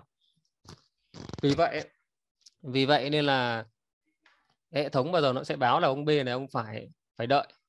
Sau khi cái block này đóng thì ông sẽ ờ, tiếp tục xử lý cái giao dịch của ông. Đấy. Thì cái vấn đề này thì uh, như vừa rồi Long có nói ở trong cái uh, Cardano Submit ấy, thì nó là cái vấn đề xử lý đồng thời. Cái vấn đề này thì uh, ở trên um, ở trên cái uh, sổ cái accounting ở trên ETH thì nó hoàn toàn nó không gặp cái vấn đề này đấy tuy nhiên là cái vấn đề này ở trên cái uh, sổ cái sử dụng à, uh, EUTXO ở trên Cardano ấy, thì nó thì thằng nào nó cũng sẽ gặp phải. Đấy. Mọi người có thể hình dung uh, một cái ví dụ đơn giản như này. Có nghĩa là hai cái cơ chế này nó giống như là cái việc hoạt động của ngân hàng ấy. Mình ví dụ như là uh, trên ETH trên cái sổ cái accounting ấy, thì uh, có thể là trong một ngày ví dụ mình nói trong một ngày là một cái block chẳng thì là trong một ngày đến nó có thể nó có trong một cái block đấy nó có thể có rất nhiều các cái giao dịch chuyển tiền ra chuyển tiền vào chẳng hạn. Thế nhưng mà ờ, bên ờ, bên ngân hàng của Ethereum ấy thì nó sẽ chốt sổ nó sẽ gọi là chốt sổ vào cuối. Ông cứ cho ông cộng trừ hết thoải mái đi. Ờ, Từ, cộng trừ nhân chia thoải mái trong block đấy và tôi sẽ cộng trừ cái con số cục cuối cùng ở trong ngày ở trong cái block đấy để ghi lên sổ cái của Ethereum tuy nhiên ấy tuy nhiên là cái ông ờ, uh, Cardano ấy thì ông ấy lại khác. Ông ấy không ông ấy không phải là ông ấy uh, đến cuối ngày ông mới ghi. Mà mà trong cái trong cái blog của ông ấy là là nó rất rõ ràng nó rất ờ, nó nó rất rõ ràng. Có nghĩa là uh, gần như là các giao dịch ấy, nó nó có tính gọi là gần như là có tính duy nhất. Và và và gọi là nên là cái việc là gọi là vay ờ, vay nhanh gọi là vay nhanh trong một cái block của ETH là không bao giờ có ở trên cái Cardano cả. Về cái ờ, giải pháp về cái giải pháp khắc phục cái vấn đề xử lý đồng thời này trên ờ, trên sàn DEX sàn DEX mà mà của Cardano ấy, thì MinSwap phải đưa ra hai cái giải pháp chính. Hai cái giải pháp này thì đều đều là gọi là giải pháp uh, off chain thôi. Vì vậy là anh em nhóm báo đốm về đánh giá là những cái giải pháp này nó thực sự nó không phải là giải pháp triệt để. Thì đầu tiên đấy là cái giải pháp được gọi là ờ, sắp xếp tuần tự các giao dịch. Thì cái này bên MIMSwap nó gọi là uh, training. Đấy. thì uh, th- thay vì thay vì mà chỉ có trong một cái block ấy, chỉ có một cái giao dịch được tương tác với lại cái cái pool thanh khoản chẳng hạn thì uh, thì bên ờ, uh, MinSwap họ sẽ sử dụng một cái uh, hệ thống máy chủ để mà uh, họ biết họ biết được cái cái đầu ra giao dịch của bất kỳ một, một cái giao dịch nào. Thì sau đấy họ sẽ uh, sắp xếp các cái giao dịch này sắp xếp cái giao dịch này. Ví dụ mình ví dụ như là cái uh, giao dịch mà um, U0 này. U0 này là giao dịch uh, thứ nhất. Thì uh, sau khi mà giao dịch xong ví dụ sau khi mà mà, mà uh, tương tác xong với lại cái pooling khoản thì nó sẽ tạo ra hai cái UTXO uh, à, mới. Thì uh, hai cái UTXO mới này thì nó sẽ mới được sử dụng cho cái giao dịch tiếp theo. Tương tự như vậy các cái giao dịch nó nó cứ nối nhau và và bên uh, MinSwap sẽ sắp xếp sắp xếp các cái giao dịch này đảm bảo làm sao cho cái việc là không bao giờ có chuyện hai ông là dùng chung một cái đầu vào input cả vì vậy là cái trong một cái block là tất cả các giao dịch này có thể thực hiện được. Đấy. vì nó đảm bảo cái vấn đề là UTXO không không không bị dùng chung. Cái nhược điểm của vấn đề này là họ phải sử dụng một cái hệ thống máy chủ bên ngoài, off trên. Thì cái này là ờ, nó sẽ xảy ra vấn đề tập trung hóa. Giải pháp thứ hai, giải pháp thứ hai thì cái này nó họ giải quyết cái vấn đề là thời điểm.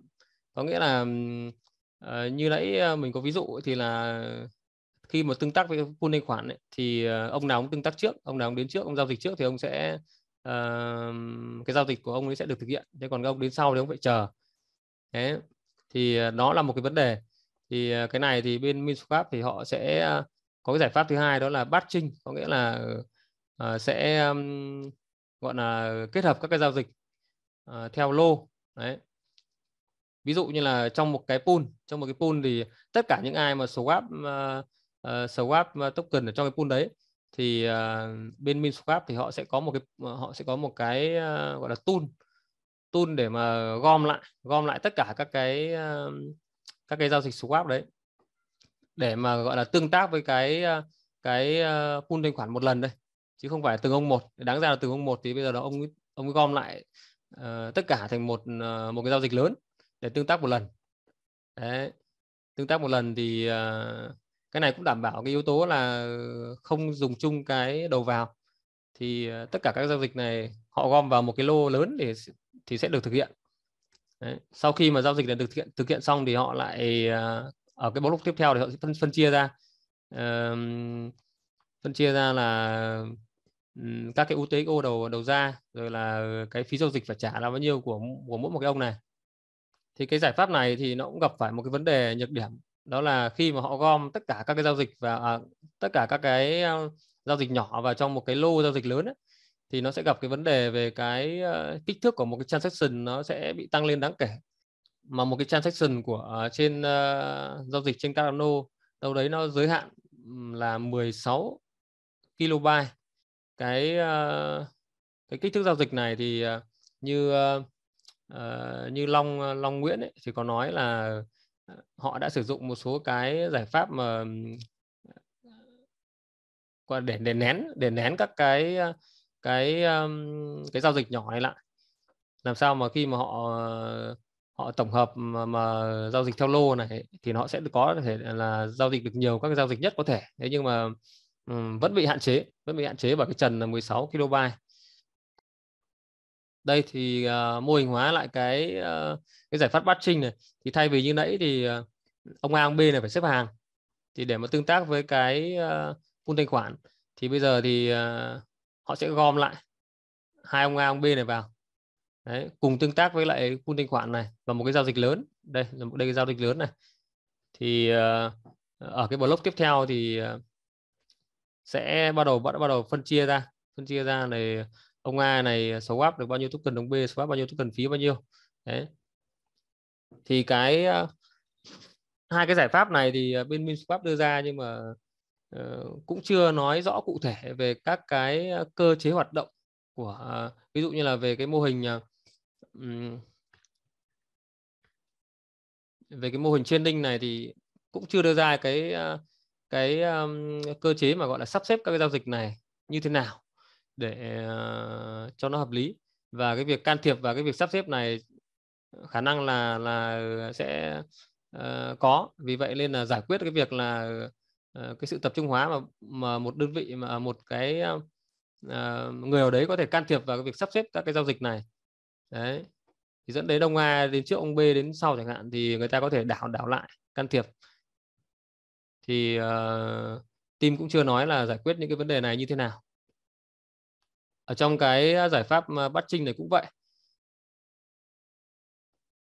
Thì ví dụ như là khi mà các ông này họ giao dịch với một cái số lượng à, khác nhau ờ, ví dụ như cái ông lớn ông giao dịch số lượng lớn chẳng hạn ông ấy đang giao dịch ở cuối nhưng ông ấy lại bị ông ấy lại được đẩy lên trên chẳng hạn thì là sau cái giao dịch của ông đấy thì uh, cái độ trượt giá nó rất là lớn thì các ông sau ông phải gánh chịu. Thì cái việc đấy thì bên bên Pháp thì xử lý cái vấn đề đấy như thế nào?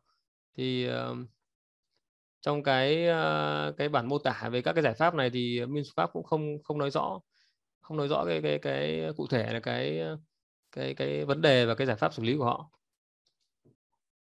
Thì về tổng kết ấy, tổng kết thì thực ra là cái cái vấn đề về UTXO và cái lỗi của Minswap ở trên uh, uh, Cardano ấy, thì nó chỉ là cái uh, hiện nay thì nó là cái sự đánh đổi nó là cái sự đánh đổi trong uh, uh, trong gần như là các tất cả các hệ thống blockchain đều gặp phải ngay cả Solana hay là ETH hay là Cardano thì nó cũng là nằm ở trong cái tam giác ba địch này. Thì đầu tiên là về cái ờ, bảo mật thì bảo mật thì ờ, Cardano làm rất là tốt. Đấy là thay vì cái ờ, cơ chế accounting thì nó đã quá mở. Thì bên uh, Cardano thì họ sử dụng cái cơ chế là EUTXO thì cái việc này thì mỗi giao dịch nó gần như là đều được được gọi là định danh thì không ông nào cũng có thể là can thiệp vào cái giao dịch đấy ờ, mà đã uh, được ghi nhận trên hệ thống được.